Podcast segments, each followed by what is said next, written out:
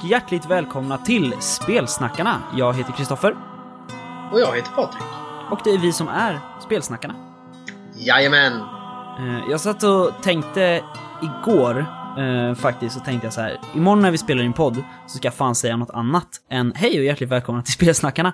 Eh, men det blev inte så. Det var någonting du sa annorlunda förra gången tror jag. Jaha. Om det var att du började prata innan jag sa mitt jajamän eller om du sa väldigt välkomna till Spelsnackarna. Eller något så här. Jag reagerar på det då. Ja, så kan det ha varit. Vi eh, har ju hållit på med det här ett tag nu. du blir ju Ja. snart räv ju, Patrik. Jajamän, det känns, eh, det känns bra. Ja, känns kul. Bra, bra community. Ja, vi tycker fortfarande att det är så roligt att höra på våra egna avsnitt så att vi fortfarande inte har gett upp det här. Eh, jag lyssnar ju inte på dem. Jag vet inte om du gör det, men eh, jag gör inte det. Jag lägger ju bara ut dem. Ja, jag lyssnar ju faktiskt på dem. Aha. Det var ju intressant. Eh, jag, jag tänkte säga nu också så att det är en jättebra dag idag för alla rollspelare. Men just idag är ju ingen särskilt bra dag, utan det är ju bara för att jag har haft en bra rollspelshelg. Du har haft en bra rollspelshelg, ja. Ingen Ja. bra dag för alla som spelar rollspel. Nej, precis. Men jag har haft en jättebra rollspelshelg. Men vi kommer till det. Nu, ungefär.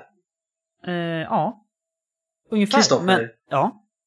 Vad har du spelat sen sist? Jag har spelat jättemycket sen sist. Eller inte så mycket egentligen kanske. Eh, jag har säkert spelat något mer än det jag kommer säga, för att det brukar vara så.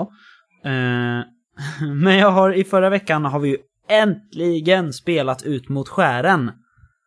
Jajamän. Du, jag och Mattias. Eh, vi är ju inte helt färdiga. Vi spelar ju eh, något krälar i kulvert A03. Så, som är med i boken. Ja, precis. Det är eh, Carl Stjernberg som har skrivit det. Eh, det eller skrivit, det, det står att det är ett äventyr, men jag tycker mer att det är ett upplägg. Liksom. Det är mer så här, här är en plats, här är en massa rum, eh, här är saker som händer i de här rummen. Medan det finns ingen liksom direkt story i själva Ja, men det, det, är en klassisk, det är en klassisk dunge. Ja, jo precis. Eh, vi är som sagt inte färdiga än, så vi kommer ju snacka mer ut mot skären när vi är klara. Eh, men det har jag spelat sen sist. Eh, I fredags, nej, i torsdags fick jag ju besked eh, från eh, eh, o, eh, onamngiven postleveratör att svärdets sång fanns att hämta på posten. Eh, Och jag var så avundsjuk för jag hörde ingenting förrän på fredag när jag fick hämta ut det. Så jag trodde jag skulle få gå utan en vecka till. Precis. Eh, så glad i hågen bar jag hem 3,2 kilo rollspel. Eh, och satt i fredags mellan klockan 19 och klockan 02 ungefär. Eh, och spelade, eller spelledde, Svärdets sång. Eh, för vår bror Mattias och vår systerson Sebastian. Gud vad jag hade velat vara med. Ja, det var helt fantastiskt. Vi eh, använde två äventyrsplatser. Eh, eller ja, vi använde en äventyrsplats ur spelledarboken. En äventyrsplats ifrån eh, kampanjboken Korpens klagan. Som egentligen blev av misstag. För att jag slog fram... Det finns ju ett kapitel med slumpmöten i spelledarboken. Eh, Mm. Och där slog jag fram ett och så fanns det förslag så här, ja ah, nu kanske de hamnar i, i Ramakved. Eh, så då hämtade jag Korpens klagan och uh, slog upp Ramakved. Eh, så det höll vi på med. De träffade också bagaren Melkerman. Ja, jag ska inte säga för mycket, för folk kanske inte har hunnit börja spela än. Men väldigt bra spel, eh, tycker jag. Eh, Vi återkommer väl till det. ja, Ja, men jag, jag är ju jättesugen på att öppna boken. Korpens klagan, kampanjboken. ja. Men jag gissar att det är du som kommer spela oss genom svärden så. Genom den kampanjen. Ja, kanske. Det får vi se. Eftersom du, du har ju läst den, eller hur? Du har ju öppnat den. Ja, jag har läst hela. Eh, ja, jag har läst alla böckerna perm till perm, eh, de hårdinbundna, och läst eh, Quetzels torn, som ju borde komma om någon vecka sa de väl. Eh, det är väl också bara äventyrsplatser. Eh, den pdfen har jag läst ett par gånger. Ja, eh, jag... Jag har som sagt... eh, Jag fick mitt i fredags. Och så kom jag Alva hit, så jag har varit med familjen. Så jag har läst när jag har varit på toa. Och sen på kvällarna när barnen väl har somnat. Eh, Så att eh, jag har halva spelledarboken kvar ungefär. Spelarboken har jag läst. Eh, Mm.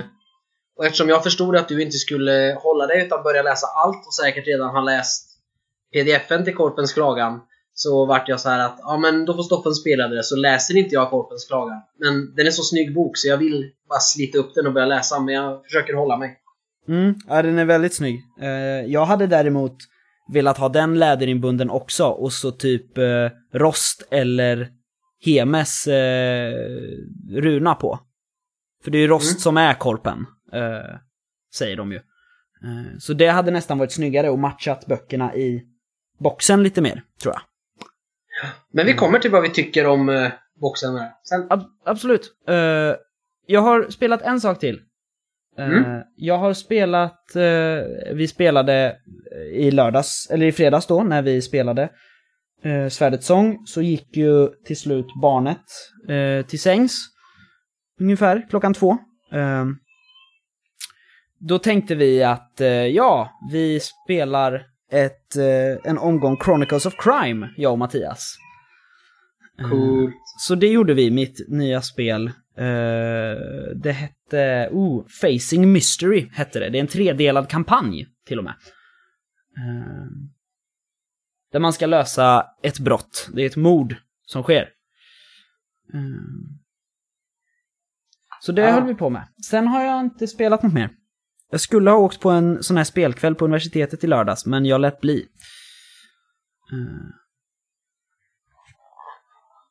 För att du var trött för att du hade spelat rollspel? Nej, jag fick erbjudande om öl och middag istället, så jag valde det. Eh, Okej. Legit. ja. Eh, vad har du spelat sen sist? Eh, jag har spelat ut mot skären med er. Ja. Eh, och sen, nu kommer jag ihåg vilken dag det var, men det var någon dag i förra veckan så var min eh, sambos pappa med sambo och bror, hennes, min sambos bror och hälsade på. Så då spelade vi Carcassonne gång. Roligt. Ja, det var ganska roligt. Ja. Eh, jag är jävligt sugen på att spela lite Manchester Madness, men eh, ja, det vill Sofia inte spela. Och eh, nu när det är barn och sånt och man måste flytta så, om jag på måndagen sliter upp allt och sätter mig så, men jag ska spela själv när jag har tid och inte behöver göra andra saker. Då kommer att stå uppe hela veckan och slå sönder på helgen när man ska städa. Ja. Eh, Men jag har, eh, jag har för första gången läst eh, DND och gjort en karaktär. ja, det var ju kul. Hur, vad fan hände där? Vi blev ju jätteförvånade, både jag och Mattias. Eh, Ja, vadå? Ni, ni sa att eh, vi skulle spela DND. ja. Eh, och jag har varit såhär, ja. Jag klagar ju mycket på det här spelet som jag har typ ingen insikt om. Nej. Eh, så att, eh, fine. Och så skickar du över en pdf med Players Handbook. Eh, Ja.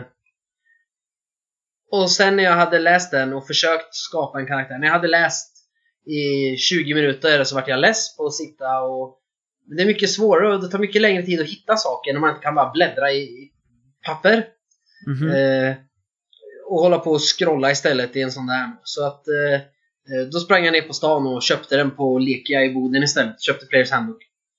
Eh, eh, för att ha läst den. Eh, vissa saker tycker jag om, vissa inte. Jag gillar det här med flås och bonds och, och bakgrund. För det känns som att de har lagt ner det är inte mycket grejer men läser man de förslagen som står på allt det där beroende på vilken bakgrund du har Mm. eh, så finns det liksom frön där till att rollspela. Eh, och man får till en bakgrund som är lätt att bara brodera ut sen. Ja, jo, Eh. verkligen. Så är det. Ty, ty, ty, tycker jag. Så det, och lite om personligheten, så det gillar jag. Eh, ja, sen vart det ju sen vart det lite diskussion, för jag vart ju, när vi spelade Call of Cthulhu eh, så tyckte jag att det var så irriterande och sabbade stämningen så mycket när jag bara Ja, du rotar runt i stugan, där i hörnet, slå spottiden!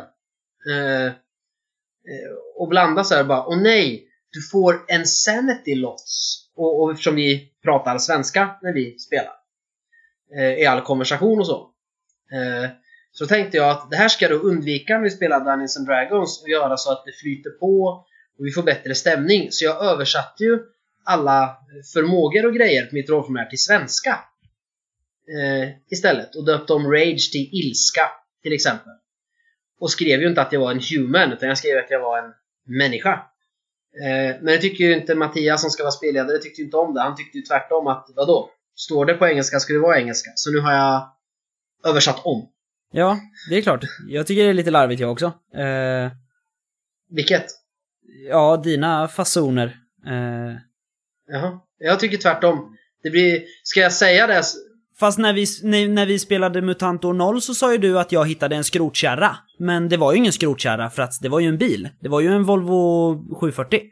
Jo, men där är det ju språk som förändrar berättelsen. Jag tycker det blir konstigt bara, okej, men jag går fram till, eh, till den här... Eh, eh, Jag går fram till The Warlock och engagerar honom in conversation. Det blir Fast- jättekonstigt. Du behöver ju inte prata så när du spelar. Nu tycker jag att du är lite larvig Patrik.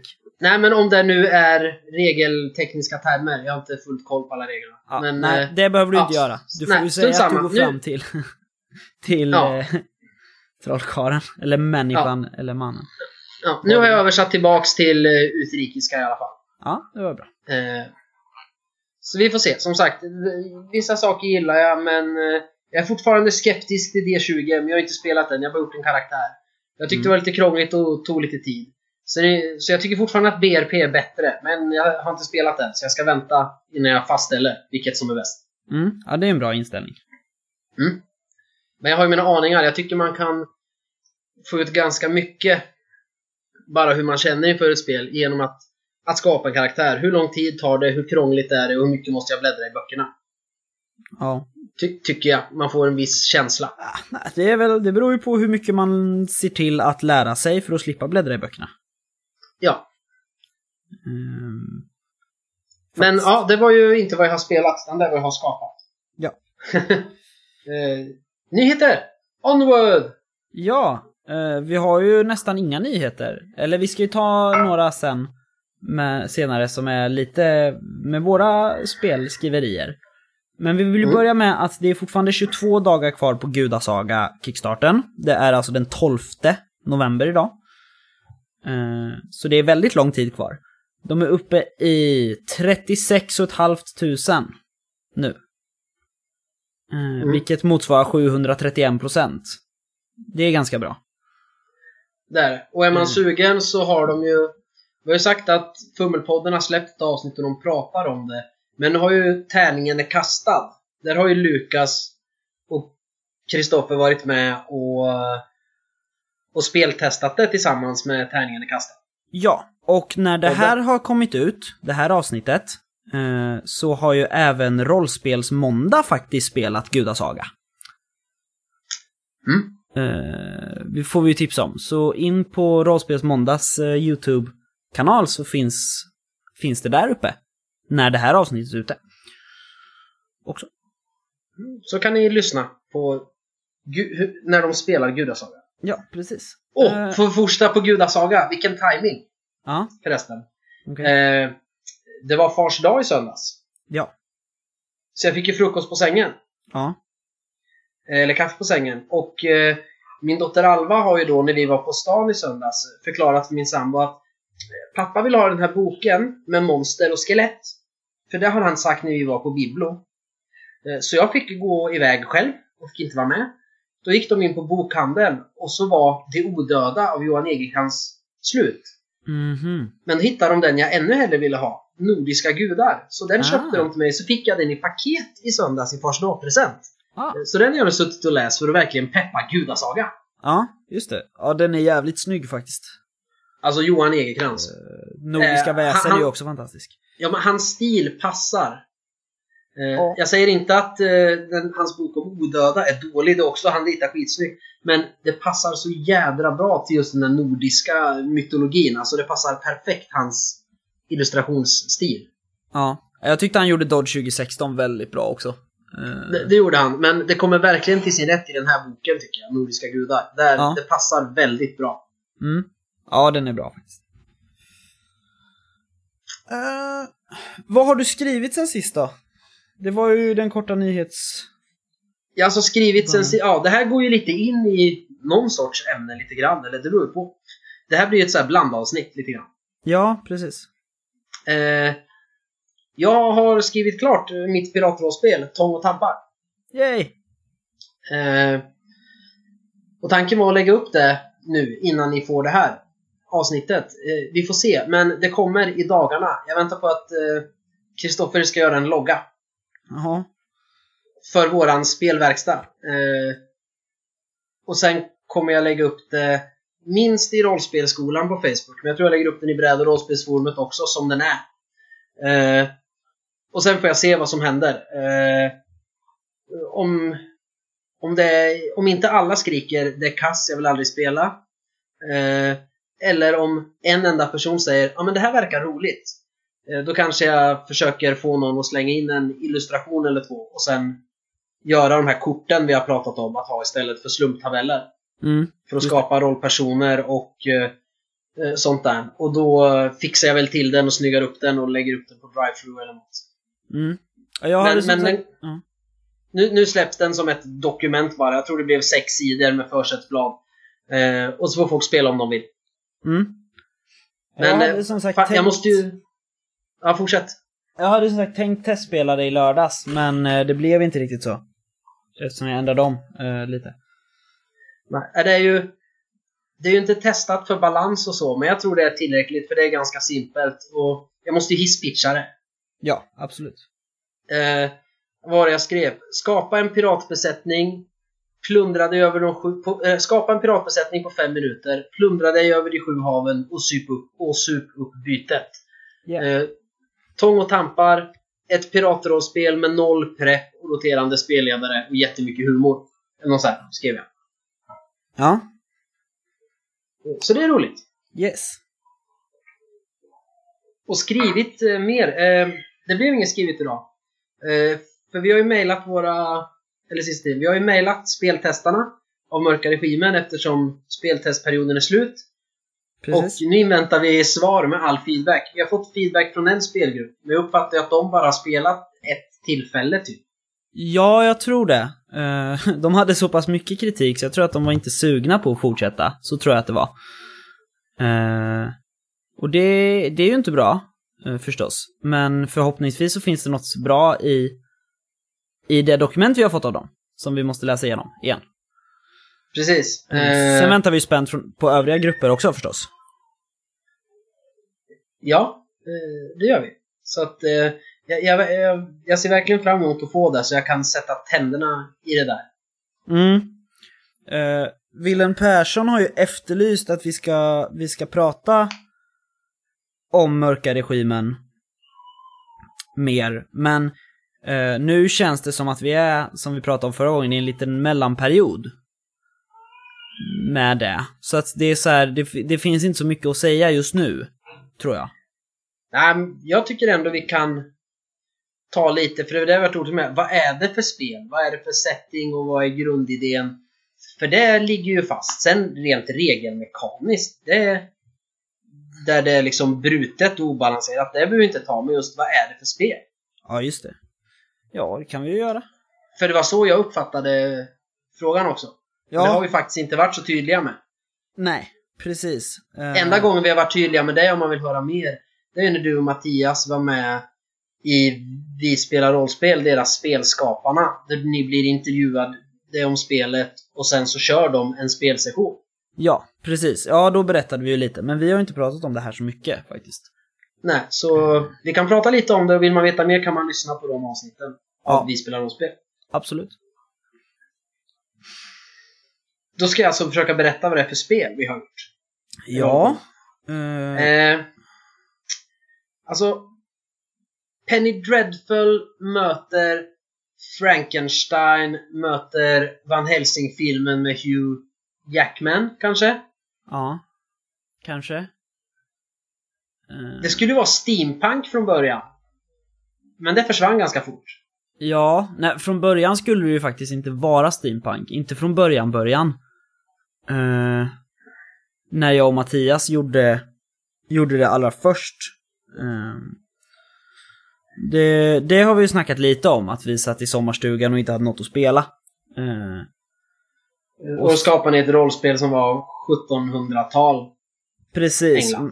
Ja, med konstiga personer och vi bestämde alla fraktioner och sånt som fanns i en kuststad i England. Det skulle ju vara ett mysterierollspel. Eh, jag tror hisspitchen på det spelet är ungefär exakt samma som eh, Riot Minds hitch-pitch på eh, Götter Demerung var.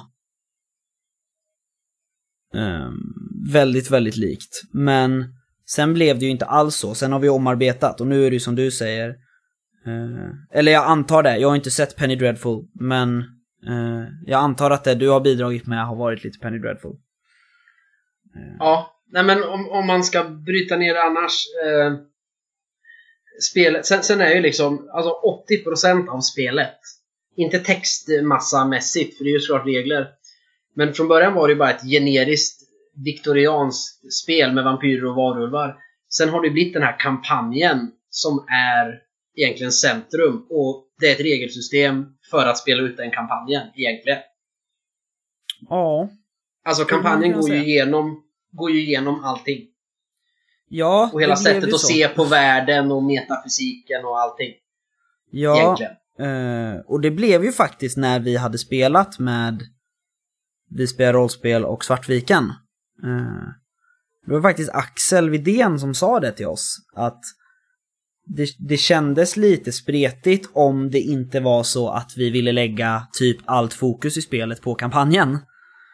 Eh, och då var det så här, hej, vi lägger allt fokus i spelet på kampanjen. Jo, nej för Eh. kampanjen, outlinen för den, eller metaplotten, då var det verkligen en metaplott. Det, det fanns ju liksom att eh, det är det här som egentligen styr, det ska hända skumma grejer olika årtal. Men det var ju mycket mer löst skriven och bara ett halvtaskigt ramverk. Och det var ju sen efter det vi grottade ner totalt i det.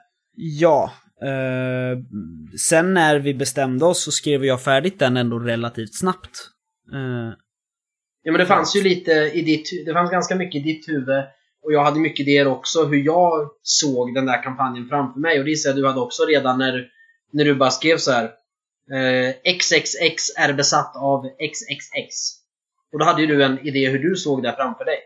ja, precis. Fast nu Mm. finns det nedskrivet i boken. Ja. Eh, Men som sagt, om vi ska prata om lite grundläggande vad det är för typ av spel, alltså... Eh, jag har ju tänkt mig att man spelar som en rollperson som ifrån början inte har så mycket koll på vad det är som händer. För det är ju det som följer den här kampanjen som går över vad det nu är. Är det 40 år? Eller vad det är? Ungefär. Jag har inte exakt årtalen i huvudet, vilket jag borde ha. Men det är Ja. ungefär 40 år. Jag också borde ha det. Ja, men precis, ungefär så. Och då är tanken att om man börjar spela vid kampanjens tänkta början, då är det ju så att då ska ju rollpersonerna vara relativt nollställda och hela världen ska, ska vara ganska nollställd inför eh, vampyrer och demoner och ockultism och allt det där. Eh, sen så är ju tanken att det stegras upp och allt eftersom kampanjen eh, fortgår så tillkommer det nya hemska varelser, rollpersonerna blir mer medvetna och sådana grejer. Men vi, vi har ju, alltså klasserna som finns, eller uppehällen som, som vi kallar det, eh, de är ju tänkta lite vad man gjorde innan man började besegra varulvar. Ja, Förutom två yrken, eller alltså uppehällen egentligen. Och det är att vi har lagt in pistolduellant och eh, fäktare som man kan vara om man är adlig. Men det är just för att kunna ha om man nu vill köra, alltså man kan ju, vi har inte skrivit in det, det kanske jag borde ha i det här att spela kapitlet men du kan ju spela det väldigt pulpigt, alltså typ Van Helsing-filmen med Hugh Jackman. Du springer Mm. runt och skjuter ihjäl alla monster, du hugger ner varulvarna med din silvervärja. Du kommer Ja. troligtvis inte överleva hela kampanjen, men ni kan ju spela spelet så om ni vill. mm, Eh, och då för att ha en chans där i början så kände jag att vi var tvungna att ha två stycken klasser som faktiskt kan slåss och är bra på det redan från början, eller tillräckligt bra redan från början. Ja, just det. Eh, det var därför jag skapade dem, men sen finns ju alla de här andra. Du kan ju vara hantverkare och läkare och vad är det mer man kan vara? Du kan det vara var- präst. Du kan vara präst som är jäkligt coolt för de eh, kan ju utföra mirakel som är magin som den magi som rollpersonerna skulle kunna använda. Precis. Så kan man vara tjuv också. Eh, Det kan man vara. Och så kan man vara råskinn, vara med i något häftigt gäng. Ja, det var ju också, det är ju också en feedback-grej vi har fått. Det var ju min kompis David som sa det. Att, Mm. eh, vadå, ska jag spela i London på 1880-talet och kan inte vara liksom med i ett gäng? Finns det ingen gängklass? Och Bara, jo, självklart. Och så skrev jag ju råskinn på typ en eftermiddag eh, och la in. Och det är jag jättenöjd med nu. Eh, Sen gillar jag daglönaren bland fattiglapparna. Och just beskrivningen att eh, vissa dagar finns det arbete åt dig någonstans. Då är du mätt. Vissa dagar finns det inget arbete. Då är du hungrig. Ja. Den är jag också rätt nöjd med. Det är ju jag som ligger bakom den också. Eh, Ja. Det var ju för att vi, vi, vi ville åt någon lite bredare klass liksom. Och det var så här, ja du kan säga att du har jobbat med precis vad som helst innan. Eh, eller jobbat inte liksom. Eh, Ja men, eh, ja, men precis. Men, men det där återspeglar kampanjen och reglerna. Framförallt skräckreglerna. Det, kanske inte verkar som det hänger ihop så mycket från början. Men det gör det ju sen. Vartefter man blir bättre. Just för att eh, utan att spoila för mycket, men det finns ju en tydlig början att allting är ja, men hyfsat som man kan tänka sig att det var i mitten av 1800-talet i England. mm, Eh, fram till ett visst årtal när saker händer. Och så introduceras kanske varulvarna till exempel ett visst årtal och då i kampanjen så finns det ju då Ja, det är det här som faktiskt har hänt. Det är det här rollpersonerna märker av. Här är ledtrådar de kan hitta som leder åt det här hållet sen.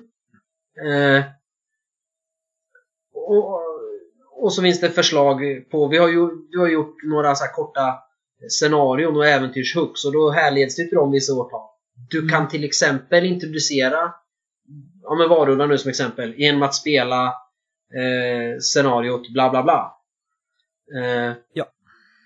Och sen introduceras nästa och så blir det värre och värre tills finalen. Och grejen är ju då att rollpersonerna ska ju bli mer medvetna. Det är jättelätt att bli skitskraj och typ galen i början. Mm. Eh, verkligen. men sen på slutet, när du har sett det här och världen har förändrats och det händer saker med rollpersonerna och deras rörelsefrihet och, och anseende och så vidare, så kommer de ju vara mindre benägna att faktiskt eh, bli, bli tokiga. Det är ju inte Call of Cthulhu att tanken är att eh, liksom, om, om inte hälften av rollpersonerna är galna spelmöte 3, då har ni gjort något fel. Utan det är Nej, snarare tvärtom. De ska ju komma stärkta ur det de har sett så att de inte blir överrumplade igen och så sätt klarar de av det och blir bättre. Ja. Eh, och det har vi ju, alltså som vi pratade om i, eh, i eh, när vi pratade lite om Ut mot skären första gången och när vi pratade om skräck vid diskbänken, det här med erfarenhetspoäng och utveckling. Eh, så är det ju faktiskt att det är ju någonting vi har med. Eh, ett erfarenhetspoäng, nej utvecklingspoäng heter det till och med. Ja, det är det. För att jag ville inte... Ja, jag ville försöka vara lite originell och bara byta ett ord. Men, och då kan man ju köpa de här förmågorna. Som ju specialiserar mer, alltså vad ska vi säga? Det är förmågorna som formar rollpersonen snarare än färdigheterna. Ehm, det är Ja, väl lite, ja. vad ska man säga, om man jämför med MUTANT och Nolls talanger ungefär. Ja men precis, alla kan ha, nästan vem som helst kan ha färdigheten hantverk. Men Ja.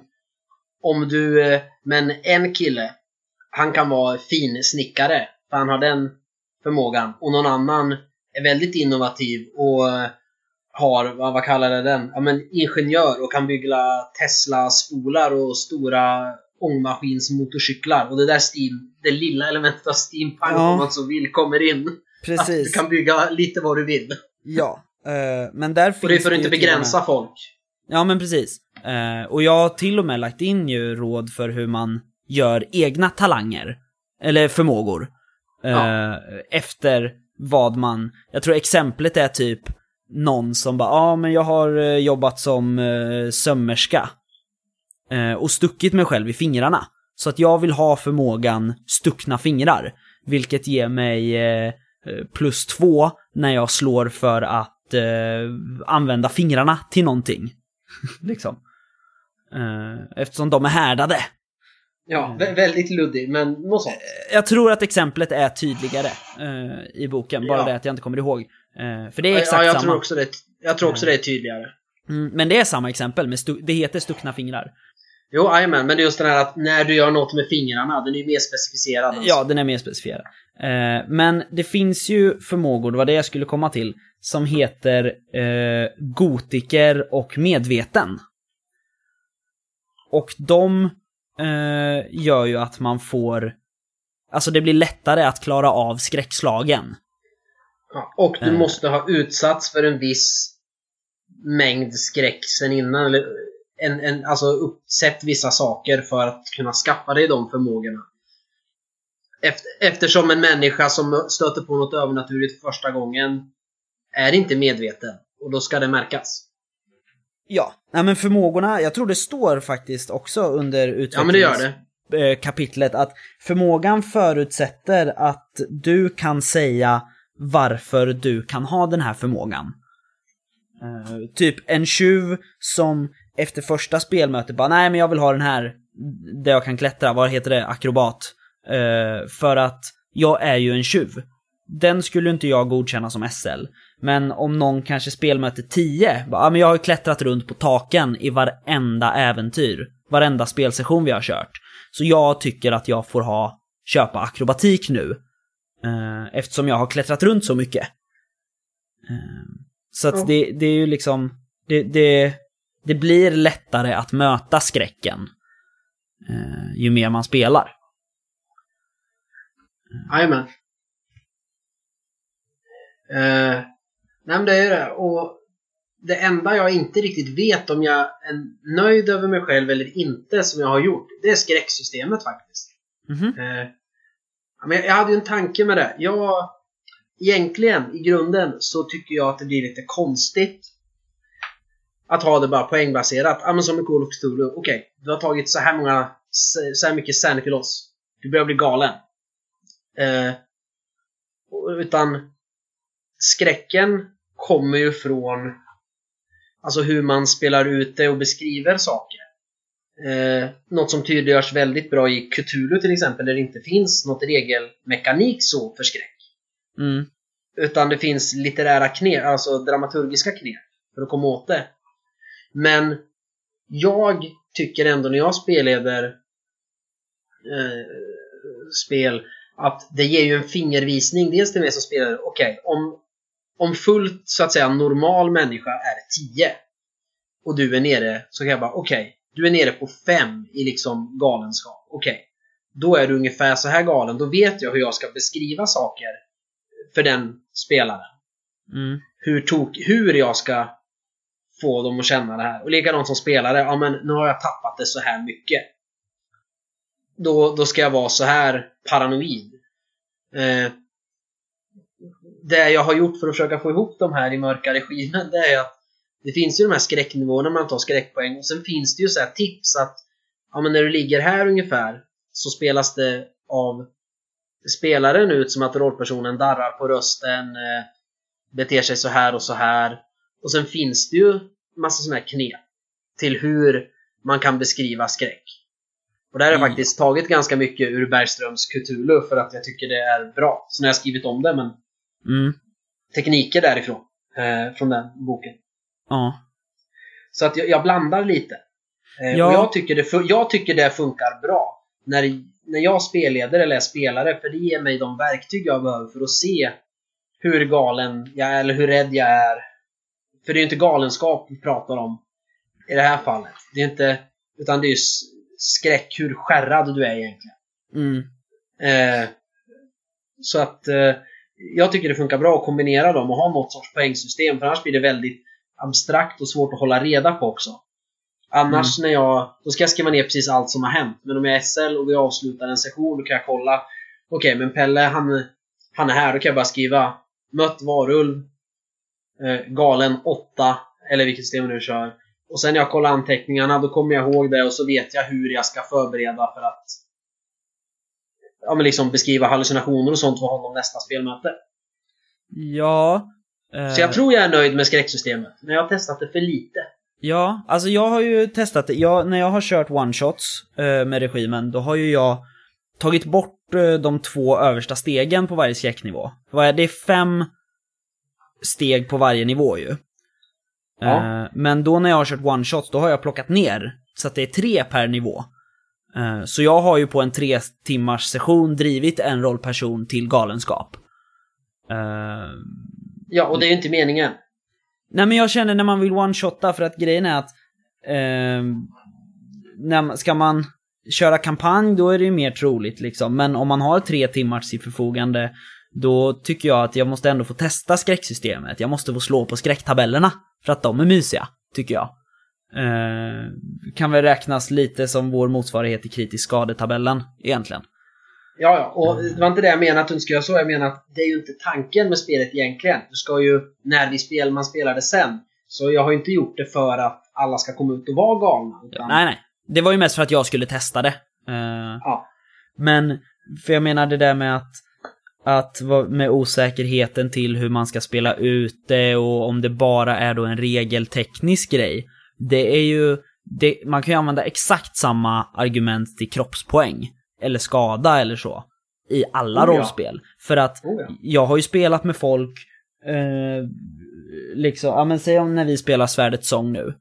Eh, så spelar jag med, med Sara som tar skada då. Hennes rollperson tar skada. Då kanske inte hon eh, sitter vid bordet och gråter och säger ja ah, men min rollperson har ju skadat benet. Eh, så att jag måste ju spela så här nu. Ah! Eh, och på samma sätt när man spelar med skräck så behöver man ju inte sitta och, och darra på rösten när man har fått skräckpoäng i någonting. Liksom. Så att det, det handlar ju bara om på vilket sätt man är bekväm med att rollspela. Egentligen, ty- tänker jag i båda avseendena liksom. Nej, det är ju det är beskrivningen av det som händer som gör att det blir skräck. Inte hur galen eller hur rädd en rollperson blir, utan hur spelarna upplever det som spelledaren vill förmedla. Mm. Så att Precis. den skräckupplevelsen är egentligen inte alls kopplad till skräckpoängen. Så, så man har kunnat ta bort skräcksystemet och spela precis lika bra. Utan jag ser den i det här fallet, har jag gjort den som ett hjälpmedel för SL och spelarna att få ut det dramaturgiskt. Ja. Hoppas alltså- jag att jag har lyckats med. Jo, men det skulle jag väl säga. Eh, nu har ju jag varit med lite och pillat i det, förstås. Eh, men jag skulle säga att skräcktabellerna ser jag också som en sån grej. Eh, skräcktabellerna är ju egentligen, vad ska man säga, mer eller mindre permanenta konsekvenser. När man blir riktigt jävla rädd. Det har vi ju pratat om. Jag är ju jättenöjd med min input. Att rollpersonen blir sängvätare livet ut. Det är Eh, klockrent. Ja, men jag menar den säger ju ganska mycket. Det kan ju vara så att för någon betyder det bara, ah, okej, varje morgon när jag vaknar så har jag pissat i sängen. Liksom. Eh, inget mer med det. Medan för en annan spelare och för en hel spelgrupp kan det betyda att den här rollpersonen vaknar varje morgon och skriker av rädsla. Liksom. Ehm, så det handlar ju om, alla regelböcker är ju bara förslag. Jajamän. Eh, och sen, sen är det väl upp... Sen har vi ju haft en vision och det är väl det, på sättet vi pratar och det vi säger om det som är vår tanke bakom det. Eh, sen hur det mottages av folk, det kan ju inte vi veta. Nej. Vi har ju till exempel aldrig använt skräcksystemet i Trudvang. Nej. Nej. Eh, men det kanske hade kryddat våra spel jättemycket. Jag har försökt någon gång men eh, och så som det är skrivet där, då är det verkligen så här, du får bara negativa modifikationer. Det får man i vårt också, men det där är skrivet. Du får massor modifikationer hela tiden.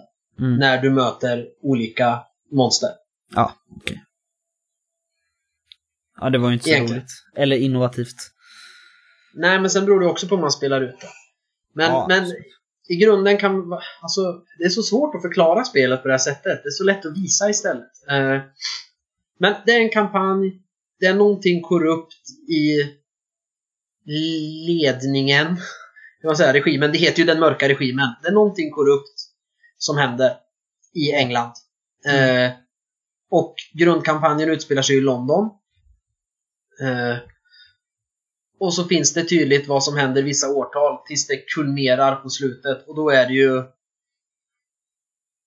Vad ska man säga? Det är Armageddon, det är Ragnarök i princip. Fast ja. inte nödvändigtvis. Det kan bli det. Men det Ja. behöver inte bli det.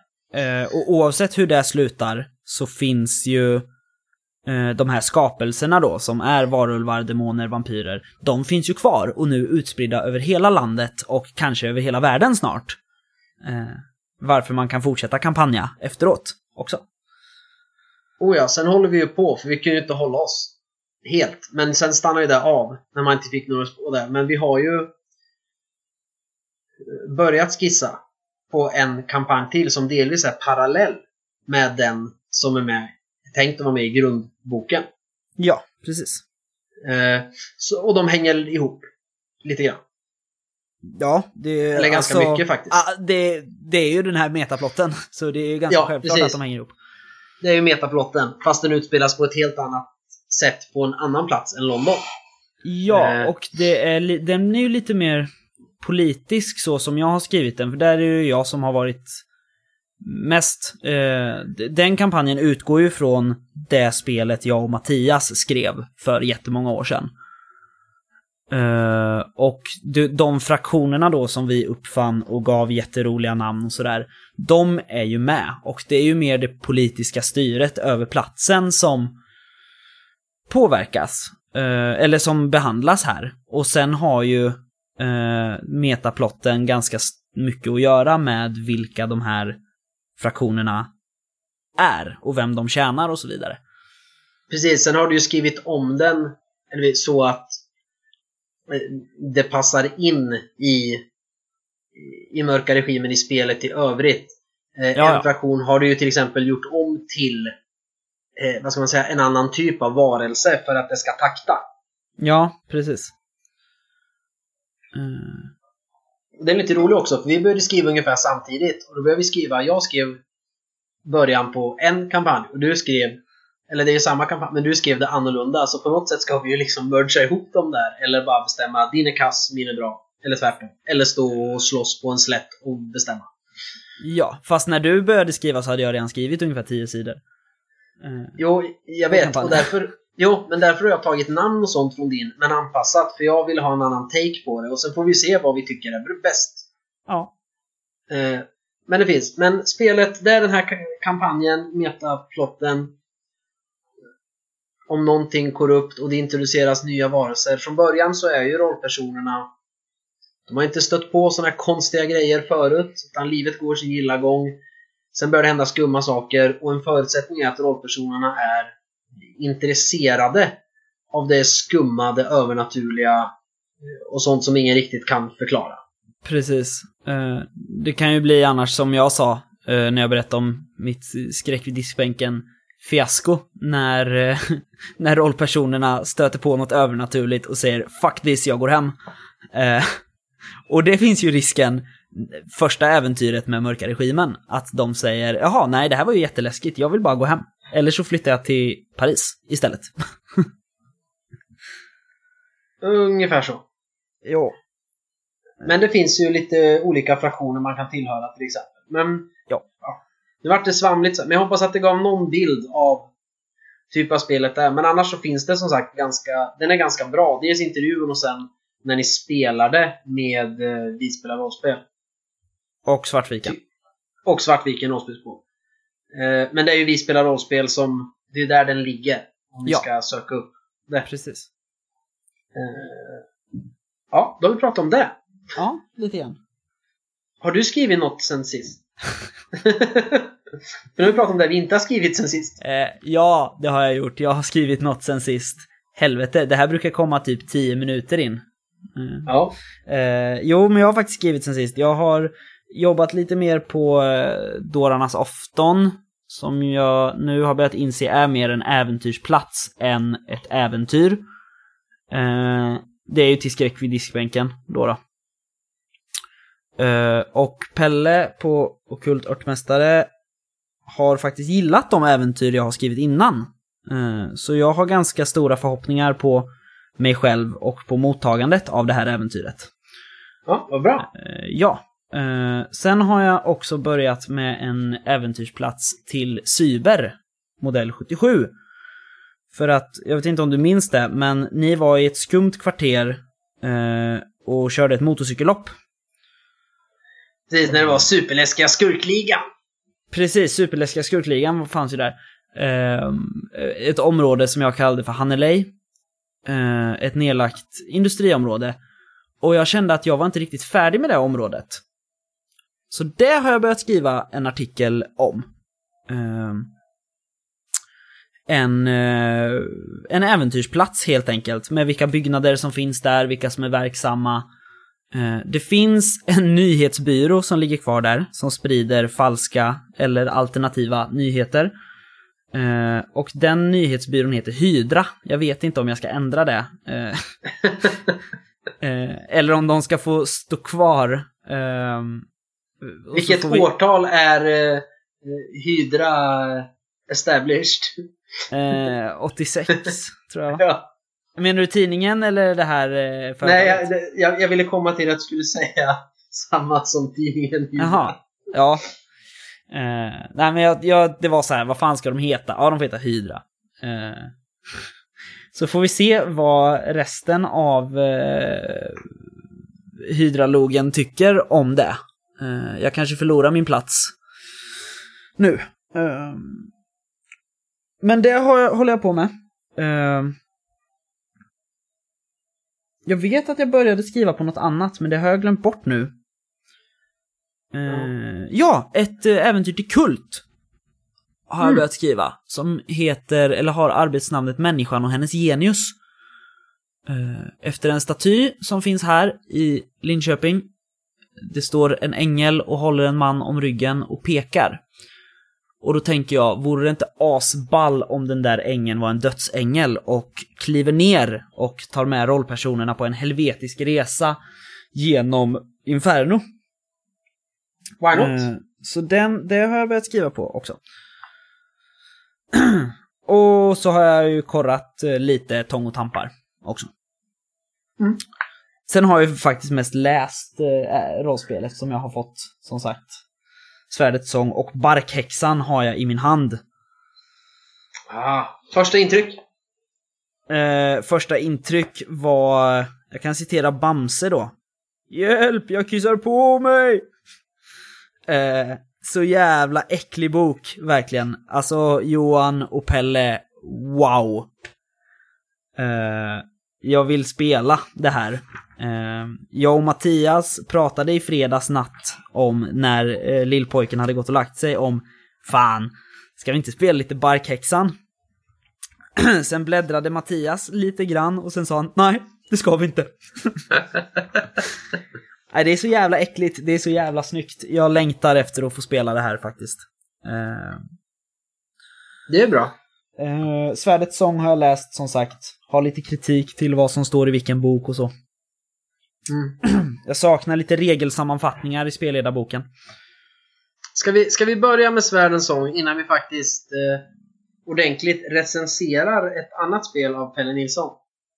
Eh, ja, men jag tycker vi kan väl vänta med, med den regelrätta recensionen tills vi har spelat färdigt ut mot skären. Ja, men vi kan prata lite om vad vi tycker om Ut mot skären. Ja, det kan vi göra. Men Svärdets sång? Eller skulle vi ta ut mot skären först? Vi kan ta Ut mot skären först. Okej. Också jävligt snyggt, Pelle. Bra jobbat. Eh, Ja. Vad, vad har du fått för intryck, du som spelare? Vad, vad har du fått för intryck av spelet? Jag har ju läst eh, boken också. Ja. Eftersom vi har fått dem av Pelle. Tack Pelle. Ja, tack Pelle. Mm. Eh, det första eh, blir jag ju allra gladast över. Och det är de första sidorna. Mhm. Så här, åtta fakta om världen, resten upp till er. Mm. Och bara en sån sak eh, som att det inkommer förnödenheter till Styms hamn med jämna mellanrum. Ytterst få vet från vem eller varifrån de kommer. Mm. Eh, och sen står det ju inget om från vem eller varifrån de kommer. Nej, jag vet Mattias ställde ju någon fråga. Eh, in, alltså som spelare, liksom. Mm. Och då fick ju vi svara, nej, vi vet inte. För det gör vi ju inte. Nej. Nej, men just att det, det är så himla öppet. Jag blir så jävla glad bara. Åtta fakta om världen, resten upp till. Ja. Liksom. Ja. Eh, och bara, riggarna besöks sällan. Få som sökt sig dit har återvänt för att berätta. Röda ljus syns därifrån nattetid och ibland hörs dunkande maskin. Ja, så. Mm. Och sen får man ju hitta på vad man gör då.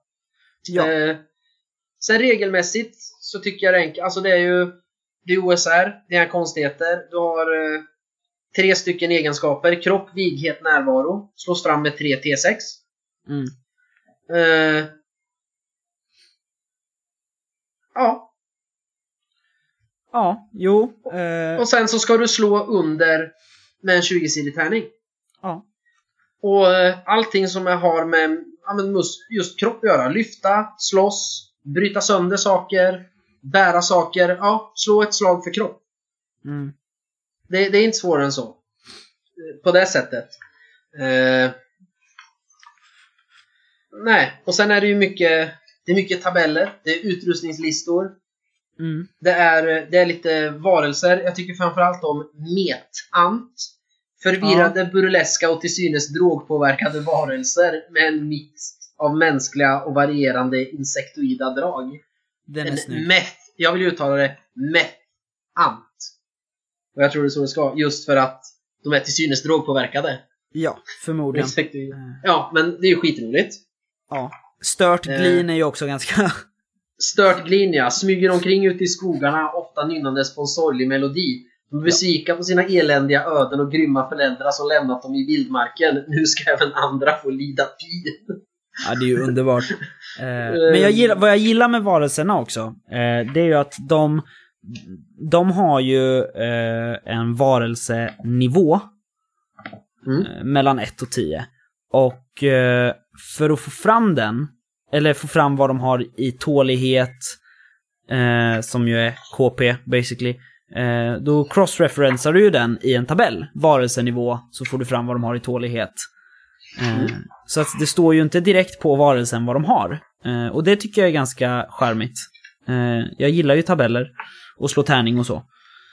Eh, så då är det ju så att, då har ju olika, ni träffade ju väldigt mycket eh, glow. Mm. Eh, ja, det står ingenting om hur de ser ut. Eh, faktiskt, vilket är underbart. Så jag fick improvisera lite. Men då är det ju så att då har de en T6 plus 5 i, i KP. Eh, eller vad det nu blir. Nej, det blir nog eh, T6 plus 6, förlåt. Eh, och då är det ju så här att då får ju de olika glon ni möter olika KP. Mm. Eller tålighet. Eh, och det tycker jag är intressant för att det gör ju alla varelser unika. Jajamän. Och det tyckte jag var riktigt härligt. Ehm. Så det, sen som sagt det här med, med just äventyret, att det var så, så som du sa, dungigt liksom. Ja, men det är en dungeon. Det är Ja. en dunge liksom. Precis, men det är ju att då, då har jag så lite, för jag vill ju ha en, jag vill ju trycka in någon slags kampanj här nu. På något sätt. Eh, men det innebär så mycket jobb för att trådarna är, det är många trådar men de är lite för lösa för att göra någonting större av. Om du fattar. Ja. Ehm, så det är väl problematiken med just introduktionsäventyret. Som jag ser det. Men för grottkräl, absolut. Och det är det det är Perfekt. skrivet för. Ja, det är ju det det ska vara. Så att min kritik är ju inte ens berättigad i det avseendet. Jag har lite kritik, eller kritik, men alltså, ja, reglerna är enkla i sin grund. Och det är inte mycket text alls. Så. Men sen, och det här... eh, Det blir ju mot Pelle då, eller Okult Örtmästare Games. För jag upplevde lite samma sak. När jag läste Skräck vid diskbänken och sen något annat. Ett äventyr, jag kommer ihåg vad det heter. Men typ, jag snickrade ihop det här på lunchen. Var det ju. La men det är något. skräck vid diskbänken. Ja, men det var något annat tror jag jag såg också. Mer Dungeons and Dragons-aktigt. Skitsamma. Mm. Men i Ut mot skären. Och det är att sen när man... Okej, men här är grundreglerna. Jag har kropp, vighet, närvaro. Så här får jag fram härda. hur mycket skada jag kan ta. Eh, och hur man lyckas med ett test. Sen kommer det andra saker. På massor, eh, ja men på olika sidor. Då är det, så står det något, ja ah, här är utrustningslistan. När du slår på den och får de här, då får du en chant slott. Okej. Okay. Så kommer det lite varelser och sen förklaras det lite grann om vilka chants man ska slå fram på chant-tabellen. Det är ju, vad ska man säga, magi. Fast inte riktigt. Ja. Eh, sen kommer det att använda dem och, lite så att det, jag upplever att saker kommer i lite konstig ordning ibland. Ja, du eh, tycker eh, inte att dispositionen är... Nej, och jag, jag upplevde samma när jag läste Skräck i diskbänken. Fast det är så kort regeltext så upplever jag samma sak. Att dispositionen är lite off. Och sen en sak som både är fantastiskt rolig och lite irriterande. Det är det här med tärningarna. Aha. Att det är så många olika tärningar hela tiden. Ja, det är nästan ett helt sånt här tärningssätt. Mm. Ja, och sen så här, ja, utrustningstabellen. Slå T49, rulla en T4 för tiotal och en T10 för ental. Ja. Eh, och sen eh, systemet för, jag gillar hur, hur det är med, med utrustning. Det är lite som Fria Ligan har gjort i Svärdens sång. Med resurstärningar för mat och vatten och sådär. Mm. Liksom att, ja men eh, slå en T8 varje gång du använder dina enkla skyddskläder. Får du ett eller två, tror jag det är va? Ja. Ja, sänk eh, så att det blir en T6. Och gör det tills sen är det liksom förbrukat när det är helt slut. Mm. Men det gör ju att det går, man måste sitta med alla sina tärningar hela tiden. För jag hade typ tagit fram en 20-sidig tärning vi skulle spela för att ja, men jag behöver inte ha med hela tärningspåsen. Vi, man behöver ju en T20. Och min kniv gör så här mycket skada. Eh, och det är på ett sätt lite irriterande. Eftersom jag är... Eh, jag mer och mer tycker om det här att, ja men, gör det enkelt. Jag tycker på ett, även om det är asfränt med T100 och T20, det är jävligt smidigt med spel som bara använder T6or, har jag börjat tycka. För det är enkelt. Eller om det är bara T10. Eh, men samtidigt så är det en del av genren. Det ska ju vara så. Det ska ju vara alla tärningar. Och det är ju säkert därför det är skrivet så. Och det är roligt. Ja. Så det är lite både och. Men framförallt dispositionen. Lite hur det är skrivet på. Det är jag emot. Men fantastiskt spel. Eh, och framförallt i, i början här. Med det här att eh, här är åtta saker ni vet om världen. Resten upp till er. Ja. Så jag, jag gillar det. Ja, jag med. Det är snyggt. Det var... Eh, det är som du säger, det är ganska mycket bläddra. Eh... Fast det inte är en tjock bok alls. Ja, men särskilt när man SLar så är det så här. Fuck, nu, ska, nu hittar de någonting. Åh nej! Och så är de i det här rummet. Åh nej! Och så fortsätter de att gå. Åh nej! Och i det här rummet så står det en glo. Åh nej, helvete! Och så tappar man bort sig typ tusen gånger i boken. Ja. Men ja. när, när det flyter så är det ett jävligt nice spel. Amen. Det är på 43 sidor inklusive rollformulär och introduktionsäventyret. Och jag vet inte vad det kostar att köpa. Vad, vad ligger det på? Jag tror det kostar 99 spänn tror jag. Ja. Så eh, har ni det inte så ska ni köpa det förstås. Tycker jag. Eh, ja, jag, jag, jag, jag gillar det. En rolig liten bok faktiskt. Ja. Där. Minst. Så vi får, vi får se. Vi väntar ju, nu när barkhäxan har kommit. Eh, jag och Pelle har ju som sagt snackat om om man inte skulle kunna ta skräck vid diskbänken, som ju är en liggande A4. Eh, men lägger man ihop den med fyra äventyr som jag har skrivit och ett par äventyrplatser Pelle har skrivit, då blir det en schysst liten bok. Mm. Eh, så det är ju faktiskt planer som har diskuterats. Så får vi se nu som sagt, nu när Barkhäxan är färdig eh, och utgiven, så kanske det realiseras någon gång. Ja. Det vore ju roligt.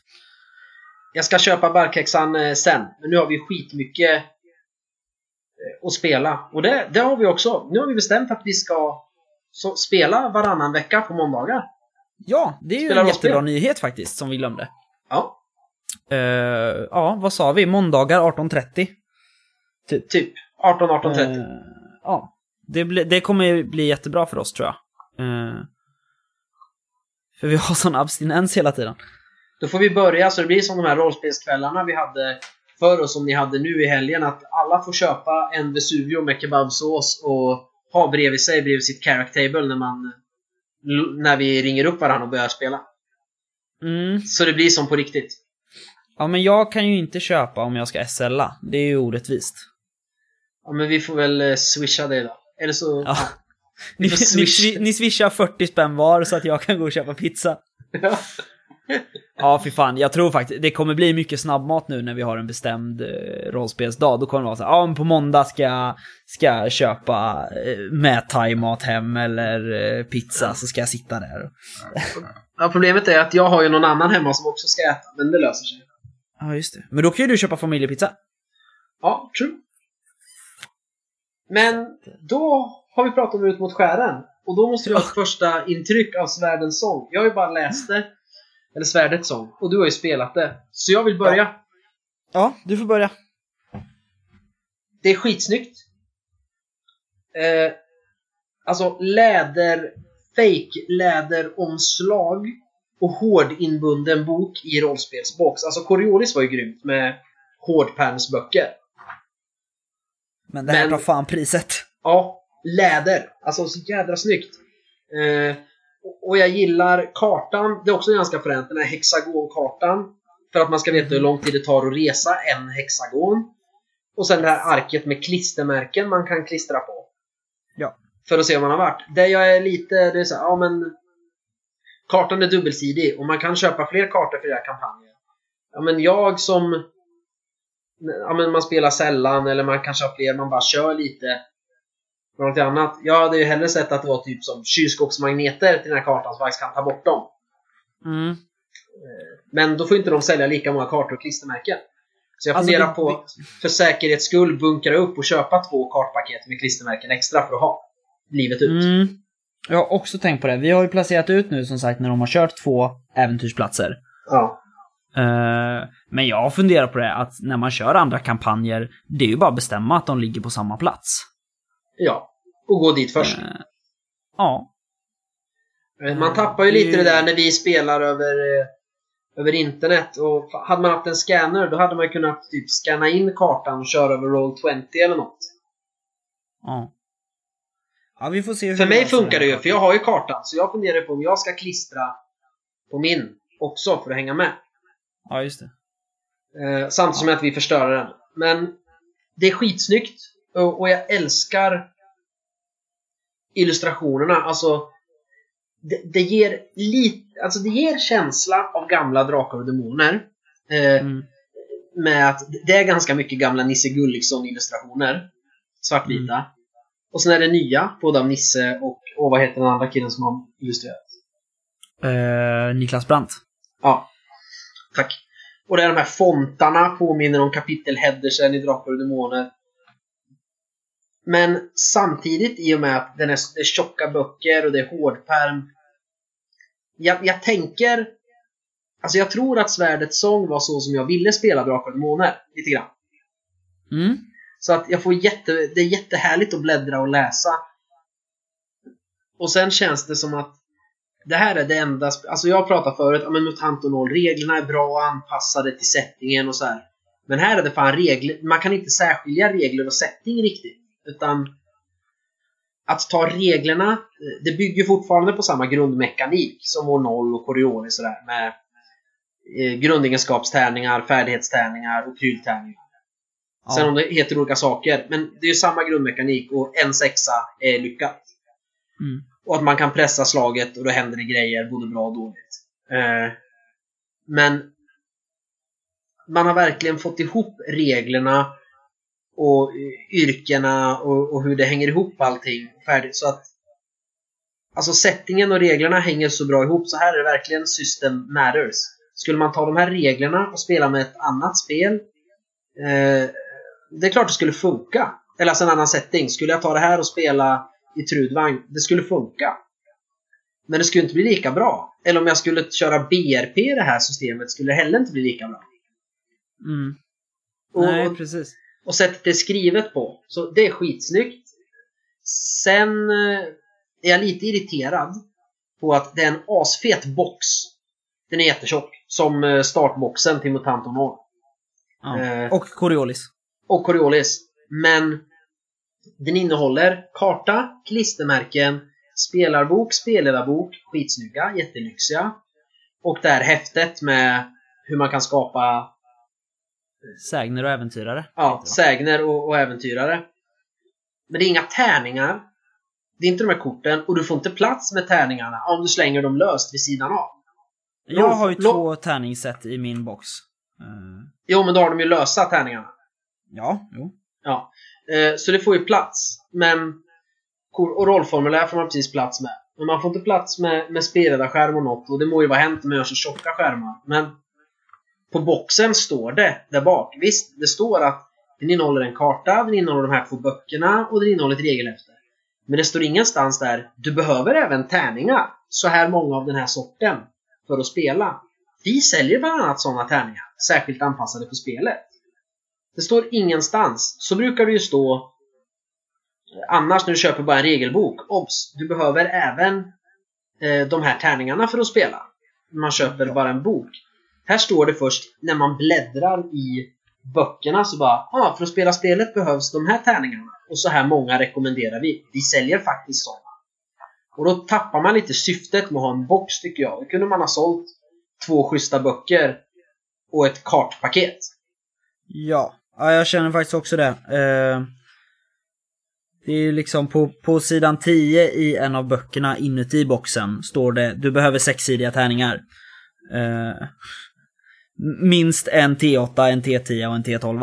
Eh, och då, det är ju som du säger, det är ju, när jag köper en box, då känner jag att då ska ju allt för att börja spela på en gång ligga där i. Eh, jag är som sagt, jag är jätteglad att spelledarboken blev så tjock som den blev och, och alla de grejerna, men det, det är en ganska opraktisk box. Ja, Tyvärr. Eh, det är det. Efter, den skulle behövt vara ännu höga, högre. Eller lite... Eller högre eller, vad ska man säga? Djupare, tjock. Åh, vad svårt att förklara. Det skulle vara Större? mer... Ja, större helt enkelt. Eh, nej men för, för det är det jag gillar med att i Sverige har man gjort så sen Äventyr började. Sen gjorde man ju det med Dungeons and Dragons också. De här eh, boxarna i olika färger och sådär. Men eh, ganska tidigt gick ju USA över och släppte bara böcker. Ja. Inbundna böcker. Och så köpte folk eh, rollformulär och tärningar separat. Men jag har alltid gillat det. Och jag är jätteglad över eh, sagospelet Äventyr och Hjältarnas tid och Genlab Alpha och det här. För allting, ja, och precis går det i eh, Genlab och Elysium och dem att få ner rollformulär också. Om man knökar Ja, lite. Men, Precis. men ändå, det jag gillar just med det svenska sättet, om man får kalla det så, är att jag köper en box, då har jag ett komplett spel. Jag får rollformulär, fast man inte får det i fria ligans boxar. Men, men, men, men box, generellt, det är det jag vill ha och det är därför jag envisas med att gilla boxar. För jag vill Mm. ha det. Det ska vara reglerna, rollformulär och tärningar. Och om inte annat så ska allting få plats på ett bra sätt. Och, så att nej, Svärdets sång, hade det, hade det följt med rollformulär och tärningar så hade jag varit jätteglad. Och det är väl bara vi som backade som fick med rollformulär. Tror jag. Ja, det var ju som add-on till och med. Precis, så Mm. att det ingår inte i boxen. Så där är jag lite besviken. Fria ligan. Mm.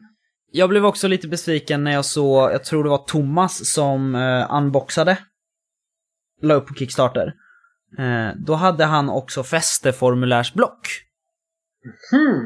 Eh, det finns ett fästeformulär längst bak i eh, boken, i spelarboken, för kopiering. Men det, det fanns ingen add-on om fästesformulärsblock. Och det är jag lite ledsen över, för det hade jag gärna velat ha. Ja. Så Ja. ja, det, det är faktiskt lite eh, kritik kring utförandet, men nästan noll kritik till Erik Granström som har skrivit spelet. Alltså man har skrivit Mm. settingen. Ja, men jag tror han har väl skrivit det mesta. Eh, Jag tror det är Thomas som är reglerna. Alltså står som konstruktör ja, men reglerna. huvudskribent och Ja. världsskapare är ju Ja, eh. Granström. Och det enda kritiken jag har till honom det är att en dvärg byter stavning på sitt namn flera gånger i samma stycke. Mm.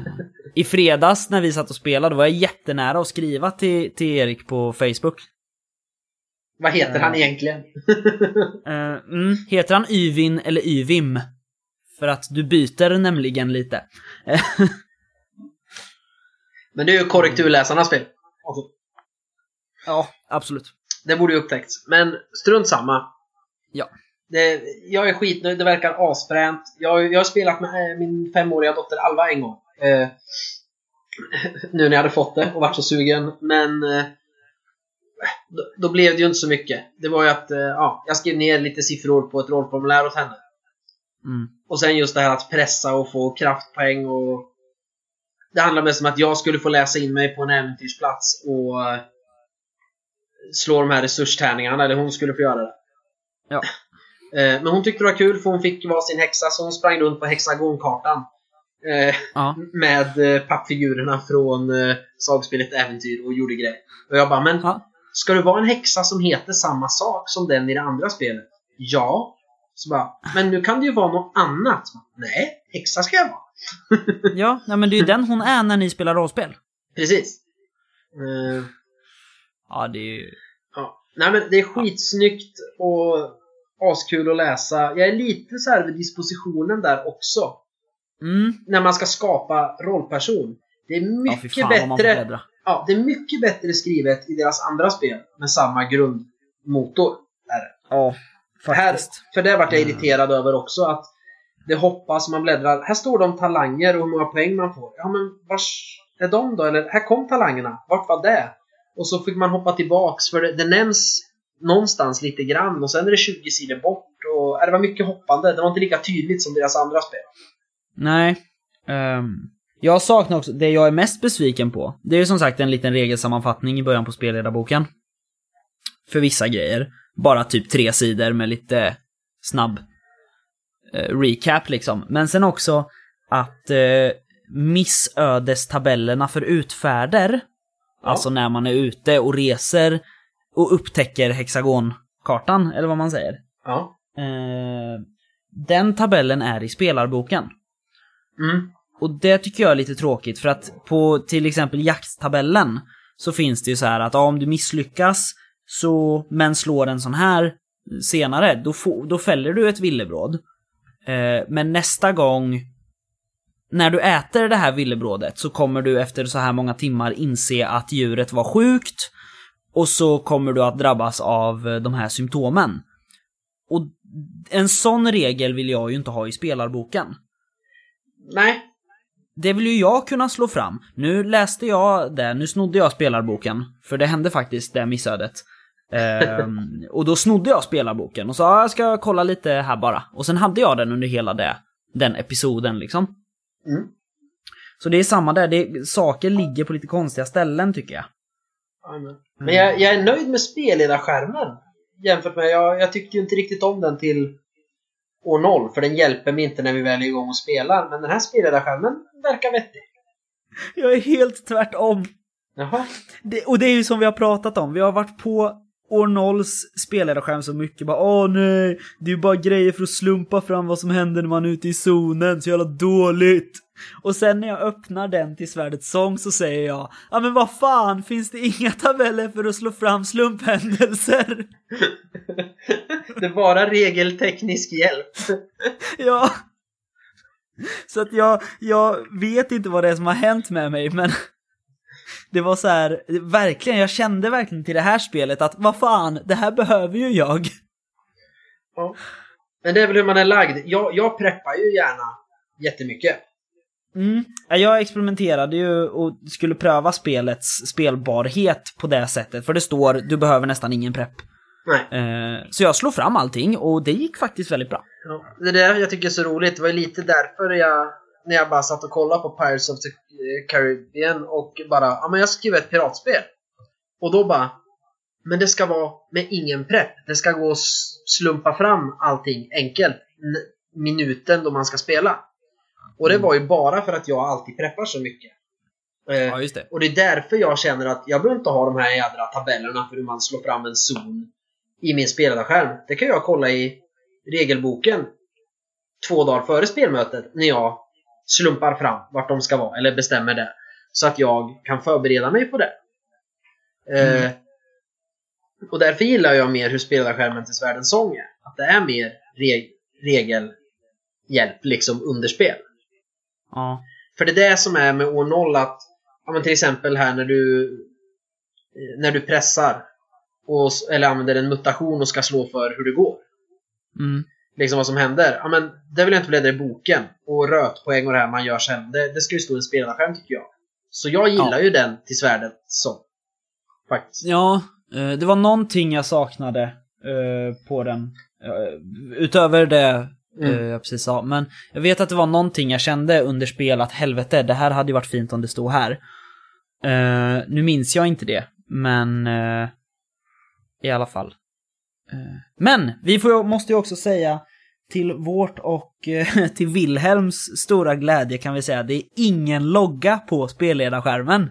Nej, hurra! Hurra! Jag tror till och med han skrev, jag, jag, var det jag som la upp eller var det du som la upp? Eller var det Fria Ligan som la upp? Det var nog någon annan som la upp till och med. Eh, kan ha varit i Bredd och rollspelsforum.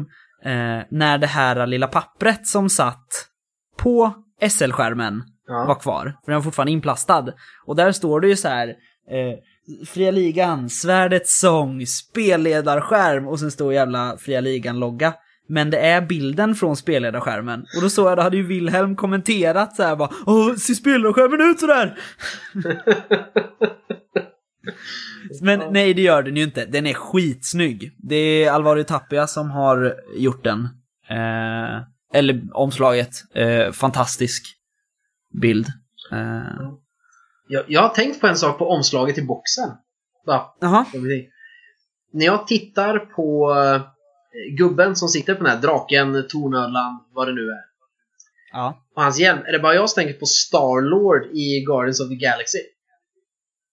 Jag har inte sett Guardians of the Galaxy, men jag tänker på en av mina gamla så här, Bionicles-figurer typ. Ja, men typ. Eh, jag vet inte fan vem det är, men Det är någon snubbe. det är ju inte Cyberfur i alla fall som är the main bad guy. Som jag har fattat det. Nej. Jag har sagt inte läst hela spelledarboken än, så jag har inte läst all bakgrund och det. Och jag har inte läst Nej, Korpens klagan, för den ska jag vänta med tills jag spelar. För nu ska vi spela på måndag om en vecka så ska vi ju spela klart det här äventyret ut mot skären. Sen ska vi spela Ja. DND, två till tre spelmöten.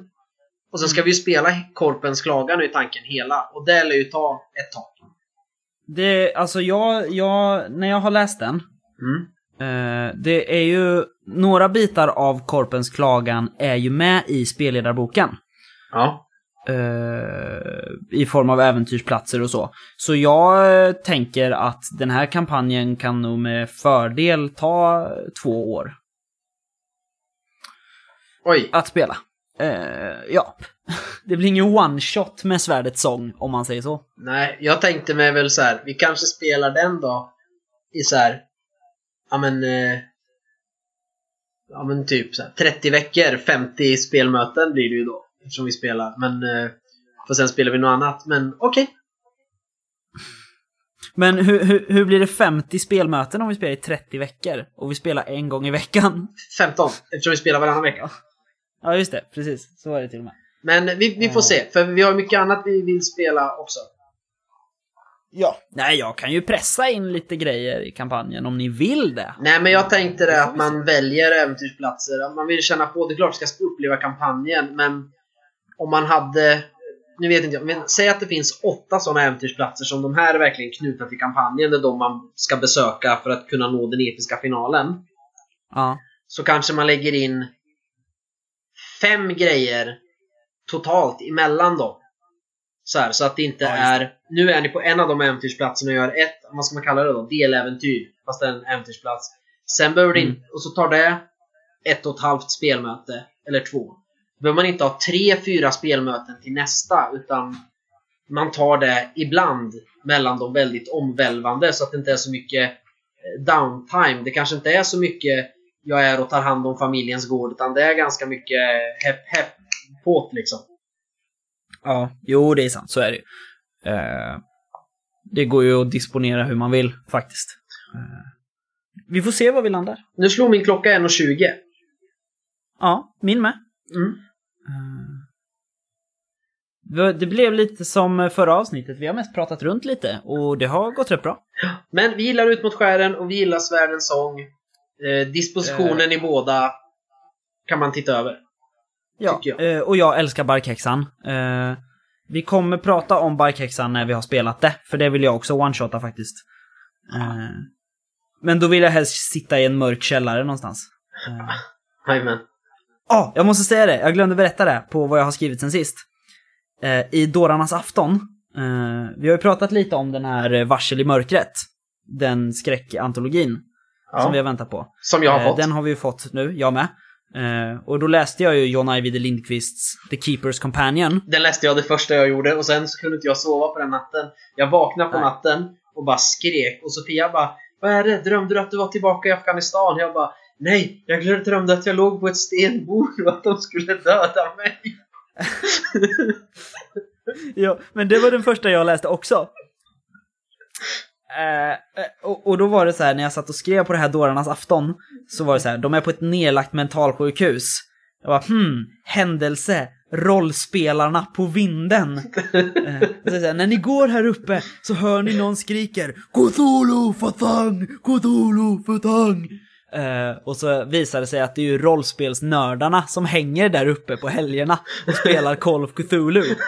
Eh, och så eh, smsade jag alla i min rollspelsgrupp, i min dd grupp och skrev Hej, jag har lagt in lite generiska rollspelsnördar i ett äventyr. Får jag ta alla era namn? De bara ja, absolut. Så att det är mina vänner som är med där. Eh, och så finns det då ett element att här kan ni göra så här. Eh, använd samma regler som ni använder här, men låt rollpersonerna sätta sig ner och spela lite Call of Cthulhu. så jävla coolt. Eh, och så är det lite förslag på vad som kan hända där och så, om man vill slösa lite tid på det. Eh, så ja, det, det fick jag inspiration till när jag läste eh, John Ajvides nya. Yes. Eh, ja, ska vi eh, eh, bryta där för den här veckan? Ja, nu har vi svamlat eh, på nog. Nu ska vi komma på ett riktigt hett ämne till nästa vecka. Mm. Eller om två veckor. Ja, till om två veckor. Ja. Ja.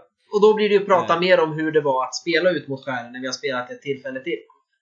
Precis. Och Så förhoppningsvis har vi fått svar och feedback från alla speltestgrupper av Mörka Regimen. Ja, precis. Då kan vi prata mer om det. Jajamän, Då så, då ska jag gå och grädda lite surdegsbröd. gör det.